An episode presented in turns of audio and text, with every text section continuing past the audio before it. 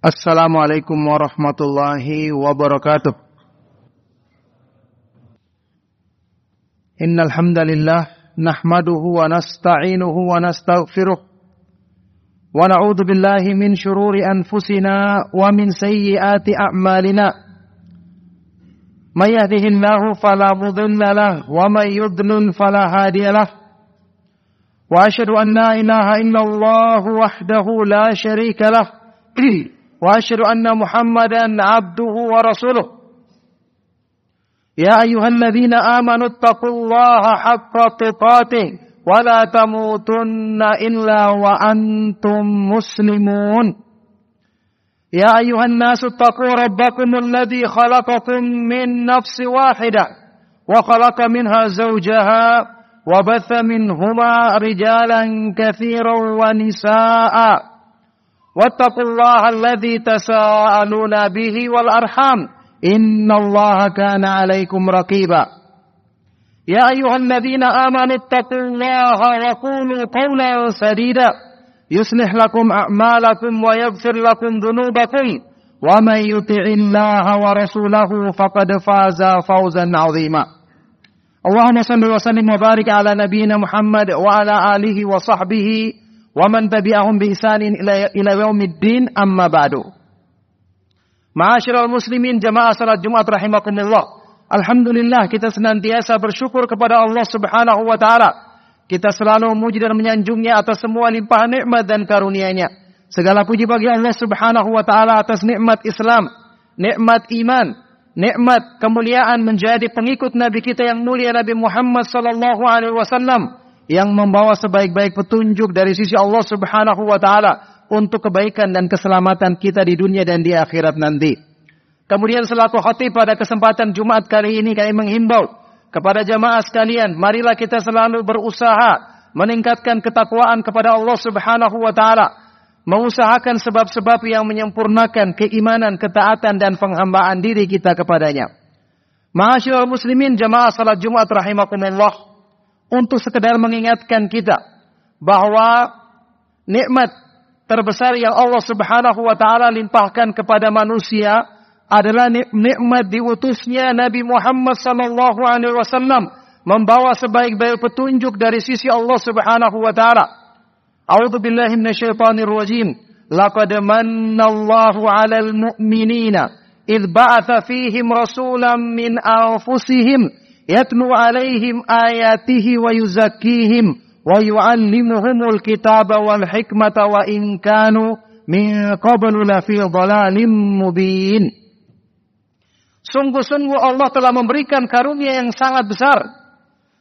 Anugerah yang sangat agung kepada orang-orang yang beriman ketika dia mengutus seorang rasul dari kalangan mereka sendiri. Yang kemudian rasul ini membacakan kepada mereka ayat-ayat Allah mensucikan diri-diri mereka serta mengajarkan kepada mereka Al-Quran dan hikmah yaitu sunnah yang meskipun sebelum itu mereka benar-benar hidup di dalam kesesatan yang nyata. Nikmat diutusnya Rasulullah Wasallam adalah nikmat yang paling besar. Karena dengan nikmat ini sempurnalah petunjuk kebaikan bagi manusia. Ingat, di dalam kehidupan, ya, kita mensyukuri nikmat Allah Subhanahu wa taala yang terbesar yaitu nikmat Islam. Kemudian di dalam Islam kita membutuhkan hidayah untuk bisa menempuh jalan Islam ini dengan sebaik-baiknya. Inilah inilah hidayah sunnah. Hidayah untuk bisa mengikuti petunjuk yang dibawa oleh Nabi kita yang mulia Nabi Muhammad sallallahu alaihi wasallam. Sebagian dari para ulama ahli tafsir seperti Syekh Abdurrahman bin Nasir As-Sadi rahimahullah taala dalam tafsir beliau ketika menafsirkan firman Allah Subhanahu wa taala di surat Al-Fatihah. Ihdinas siratal mustaqim. Ya Allah tunjukkanlah kepada kami, berikanlah hidayah kepada kami untuk selalu menempuh jalan yang lurus. Ah, beliau menyebutkan al-hidayah itu hidayatan.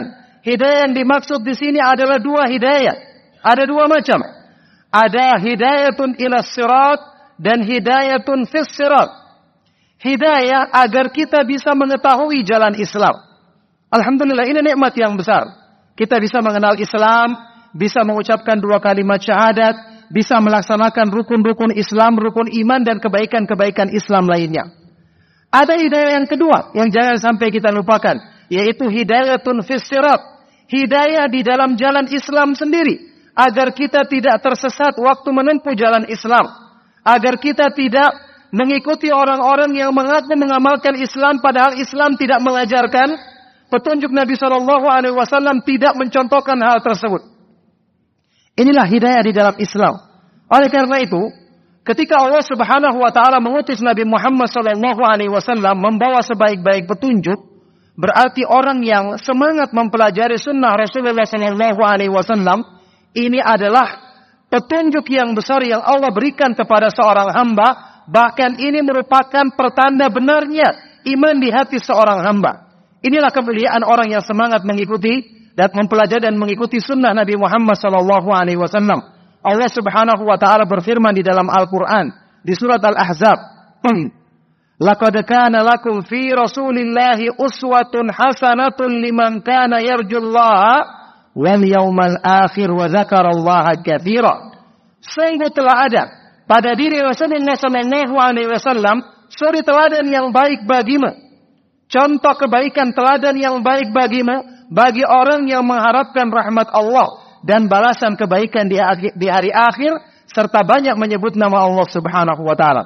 Ayat ini merupakan dalil semangat mengikuti petunjuk Nabi Muhammad sallallahu alaihi wasallam adalah bukti benarnya iman di hati.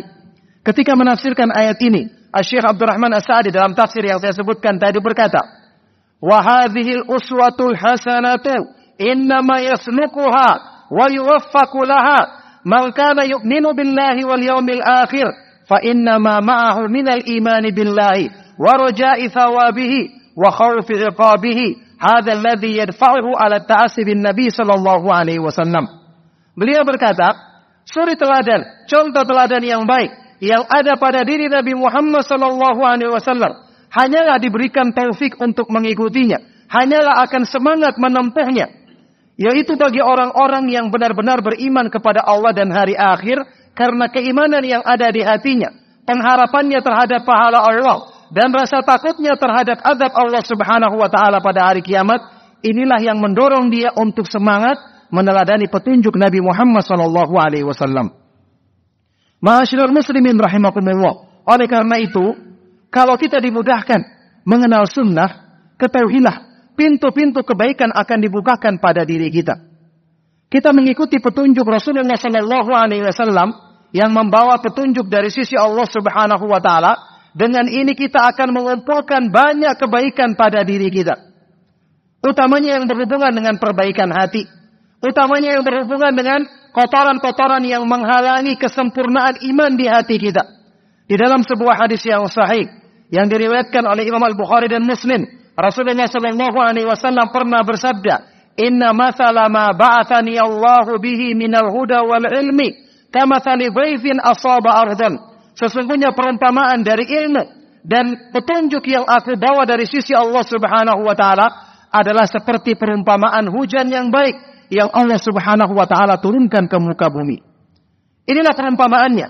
Sebagaimana butuhnya permukaan tanah kepada air hujan, maka seperti itulah kebutuhan hati kita terhadap wahyu, hujan wahyu yang Allah Subhanahu wa taala turunkan pada petunjuk yang dibawa oleh Nabi kita yang mulia Nabi Muhammad sallallahu alaihi wasallam. Oleh karena itu, ma'asyiral muslimin jamaah salat Jumat rahimakumullah, tidak salah ketika para ulama menggambarkan kebutuhan manusia untuk mempelajari sunnah Rasulullah sallallahu alaihi wasallam adalah seperti kebutuhan manusia terhadap roh atau hakikat hidupnya sendiri dan kebutuhan manusia sekaligus terhadap cahaya Artinya orang yang hidup tanpa mempelajari, tanpa mengikuti petunjuk Nabi Muhammad sallallahu alaihi wasallam berarti dia mati tidak punya ruh. Dan berarti dia tidak punya cahaya. Bagaimana dia akan bisa melangkah? Bagaimana dia akan bisa menempuh jalan yang lurus? Bagaimana dia bisa beristiqamah di atas kebenaran sampai di akhir hayatnya?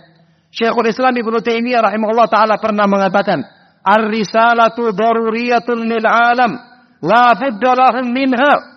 wahajatuhum ilaiha fawqa hajatihim ila kulli syai. Petunjuk Nabi Muhammad sallallahu alaihi wasallam adalah kebutuhan yang paling mendesak untuk semua makhluk di alam semesta. Semua makhluk membutuhkannya. Mereka tidak bisa lepas darinya. Kebutuhan manusia terhadap petunjuk Nabi Muhammad SAW lebih daripada kebutuhan mereka terhadap apa pun makan, minum atau apa pun yang namanya kebutuhan yang paling utama. Al-risalatu hayatul alami wa ruhuhu wa nuruhu. Petunjuk Nabi Muhammad sallallahu alaihi wasallam kata beliau adalah kehidupan bagi alam semesta, roh bagi alam semesta dan cahaya bagi alam semesta. Di akhir ucapannya beliau menyimpulkan fadunya kulluha mal'unatun mudlamatun illa ma tala'at alaihi syamsur risalah. Maka semua bagian dunia ini gelap, gelap dalam kegelapan dan dijauhkan dari rahmat Allah kecuali bagian dunia yang disinari dengan cahaya dari petunjuk Nabi Muhammad sallallahu alaihi wa alihi wasallam. Maka ma'asyiral muslimin rahimakumullah, beruntunglah seorang muslim yang diberi taufik oleh Allah Subhanahu wa taala untuk semangat belajar petunjuk Allah Subhanahu wa taala dan rasulnya melalui majelis-majelis ilmu, melalui kajian-kajian yang membahas tentang iman, tentang tauhid, tentang bagaimana tata cara ibadah Rasulullah sallallahu alaihi wasallam dalam salatnya, dalam berpuasa, dalam zakat, dalam haji, umrah bagi yang mampu, dalam berzikir, dalam membaca Al-Qur'an, Beruntung karena dia mengisi hidupnya dengan kebaikan yang semakin banyak dia mempelajari ini, berarti dia semakin sempurna menyempurnakan kebaikan dalam hidupnya. Allah Subhanahu wa taala berfirman, "Ya ayyuhalladzina amanu stajibu lillahi wa lirrasuli idza da'akum lima yuhyikum." Wahai orang-orang yang beriman, penuhilah panggilan Allah dan panggilan Rasulnya yang mengajakmu untuk memberikan kebaikan hidup bagimu. Setiap panggilan Allah, seruan Allah dan Rasulnya ada satu bagian kehidupan yang kita perlu sempurnakan pada diri kita. Ketika menafsirkan ayat ini, Imam Ibnu Qayyim rahimahullah taala berkata, "Tadammanatil ayatu ala anna al-hayata al-haqiqiyata tayyibata hiya hayatu man istajaba lillahi wa lirrasuli zahiran wa batinan." Ayat yang mulia ini mengandung pengertian bahwa kehidupan yang baik, kehidupan yang indah sesungguhnya adalah orang yang mengisi hidupnya dengan selalu memenuhi petunjuk Allah dan petunjuk Rasulnya Shallallahu Alaihi Wasallam secara lahir dan batinnya. Maka semoga khutbah yang singkat ini menjadi motivasi kebaikan bagi kita semua untuk kita menyadari bahwa petunjuk Allah Subhanahu Wa Taala yang dibawa oleh Nabi Muhammad Shallallahu Alaihi Wasallam ini adalah keindahan hidup, kemuliaan hidup, kebanggaan hidup dan kebaikan hidup kita yang harusnya kita manfaatkan dengan sebaik-baiknya kalau kita ingin termasuk orang-orang yang selalu mengikuti atau mendapatkan petunjuk Allah Subhanahu wa taala dan dijaga dalam kebaikan sampai di akhir hayat kita. Demikianlah khutbah yang singkat semoga bermanfaat. Barakallahu li wa lakum fil Qur'anil azim wa nafa'ani wa iyyakum bima fihi minal ayati wa dzikril hakim wa nafa'ana bihadi sayyidil mursalin. وبقوله القويم. أقول قولي هذا وأستغفر الله لي ولكم ولسائر المؤمنين. فاستغفروه إنه هو الغفور الرحيم. الحمد لله. الحمد لله على إحسانه. والشكر له على توفيقه وامتنانه. وأشهد أن لا إله إلا الله وحده لا شريك له تعظيما لشانه. وأشهد أن محمدا عبده ورسوله الداعي إلى رضوانه. Sallallahu alaihi wa ala alihi wa ashabihi wa ikhwani amma ba'du. Ma'asyiral muslimin jamaah salat Jumat rahimakumullah. Di khutbah yang kedua ini saya ingin menambahkan bahwa termasuk manfaat terbesar yang akan kita dapatkan dengan taufik dari Allah Subhanahu wa taala dengan senantiasa kita semangat mempelajari dan mengikuti petunjuk Nabi Muhammad sallallahu alaihi wasallam adalah pertolongan dari Allah Subhanahu wa taala pertolongan dari Allah Subhanahu wa taala untuk kebaikan penjagaan agama kita. Untuk kita bisa tetap istiqamah di atas kebaikan sampai kita menghadapinya pada hari kiamat nanti. Pertolongan dari Allah Subhanahu wa taala untuk menghadapi cobaan-cobaan dalam hidup yang tentu sangat berpotensi untuk bisa merusak agama seseorang kalau orang tersebut tidak dijaga oleh Allah Subhanahu wa taala. Apa makna firman Allah Subhanahu wa taala di dalam Al-Qur'an? Ya ayyuhalladzina amanu in tansurullaha yansurkum wa yuthabbit aqdamakum. Wahai orang-orang yang beriman, jika kalian menolong Allah, maka Allah akan menolongmu dan akan meneguhkan kedudukanmu. Ya, orang yang mendapatkan pertolongan dari Allah Subhanahu wa taala adalah orang yang menolong Allah atau menolong agamanya. Sekarang apa hakikatnya menolong Allah atau menolong agamanya? Apakah Allah itu lemah sehingga dia perlu ditolong? Tidak. Allah Maha Kuat dan Maha Perkasa. Apakah agama Allah ini tidak ada yang jaga sehingga perlu kita yang jaga? Jawabannya juga tidak. Allah Subhanahu wa taala Maha Kuat dan Maha Perkasa dan Dia Maha Kuasa, Maha Mampu untuk menjaga menjaga agamanya. Jadi maksudnya apa? Kita diperintahkan untuk menolong Allah, menolong agamanya agar kita mendapatkan pertolongan. Maksudnya adalah kita diperintahkan untuk berpegang teguh dengan agamanya. Untuk semangat mempelajari dan mengamalkan petunjuk yang Allah Subhanahu wa taala turunkan kepada nabi kita yang mulia Nabi Muhammad sallallahu alaihi wasallam. Di dalam kitab tafsir Adwaul Bayan, Imam Muhammad Al-Amin Asy-Syanqiti rahimahullah taala ketika menafsirkan ayat ini beliau mengatakan wa ma'lumun anna nasrallahi innama huwa bittiba'i ma syara'ahu bintifali awamirihi wa nawahihi. Sudah diketahui, dimaklumi yang namanya menolong Allah, menolong agama Allah tidak lain maksudnya adalah dengan mengikuti syariatnya. Dengan mengamalkan perintah-perintahnya dan menjauhi larangan-larangannya. Dari mana kita bisa mengamalkan perintah-perintah Allah menjauhi larangannya? Bisa mempraktekkan syariatnya tidak lain dengan mempelajari petunjuk yang sempurna yang dibawa oleh Nabi Muhammad sallallahu alaihi wa alihi wasallam. Oleh karena itu jamaah sekalian rahimakumullah, kita pernah mendengar istilah at-taifatul mansurah, golongan yang selalu ditolong oleh Allah mereka selalu ada sampai di hari kiamat. Semoga Allah Subhanahu wa taala jadikan kita termasuk golongan ini. Ya, disebutkan di dalam hadis sahih riwayat Imam Muslim, Rasulullah SAW bersabda, "La tazalu ta'ifatun min ummati zahirina 'alal haq, la yadhurruhum man khadhalahum hatta ya'tiya amrullah." Akan senantiasa ada di umatku seorang ta'ifah, sekelompok orang yang senantiasa membela atau menampakkan kebenaran memenangkan kebenaran. Tidak akan merugikan mereka orang-orang yang menyelisih mereka sampai datangnya keputusan Allah Subhanahu wa taala. Disebutkan dalam sebagian lafaz dari hadis ini, ya, taifatun mansurin. Mereka selalu mendapatkan pertolongan dari Allah Subhanahu wa taala. Inilah golongan yang selalu mendapatkan pertolongan dari Allah sampai di akhir zaman yang kita dapati sepakat para ulama ahlu sunnah wal jamaah, ya, Imam Abdullah ibn Mubarak, setelahnya Imam Ali ibn Madini, Imam Ahmad, Imam Bukhari dan yang lainnya, semua mengatakan hum indi ashabul hadith. Mereka yang dimaksud dengan golongan yang selalu mendapatkan pertolongan dari Allah Subhanahu wa taala, tidak lain mereka itu adalah orang-orang yang selalu mempelajari hadis-hadis Rasulullah SAW, yaitu selalu mengkaji, mengikuti, mempelajari dan mengamalkan, mempraktekkan sunnah Rasulullah Sallallahu Alaihi Wasallam. Jadi menolong agama Allah itu bukan dengan cara melakukan perbuatan teror, bukan dengan cara menyatakan pernyataan-pernyataan untuk mencaci maki penguasa misalnya, untuk mengancam. Ini sama sekali bukan bentuk pertolongan kepada Allah Subhanahu Wa Taala. Bertolong menolong agama Allah Subhanahu Wa Taala adalah dengan berusaha memahaminya, menyebarkannya dengan baik di masyarakat, mendakwakannya setelah kita memahami dan mengamalkannya untuk diri kita sendiri.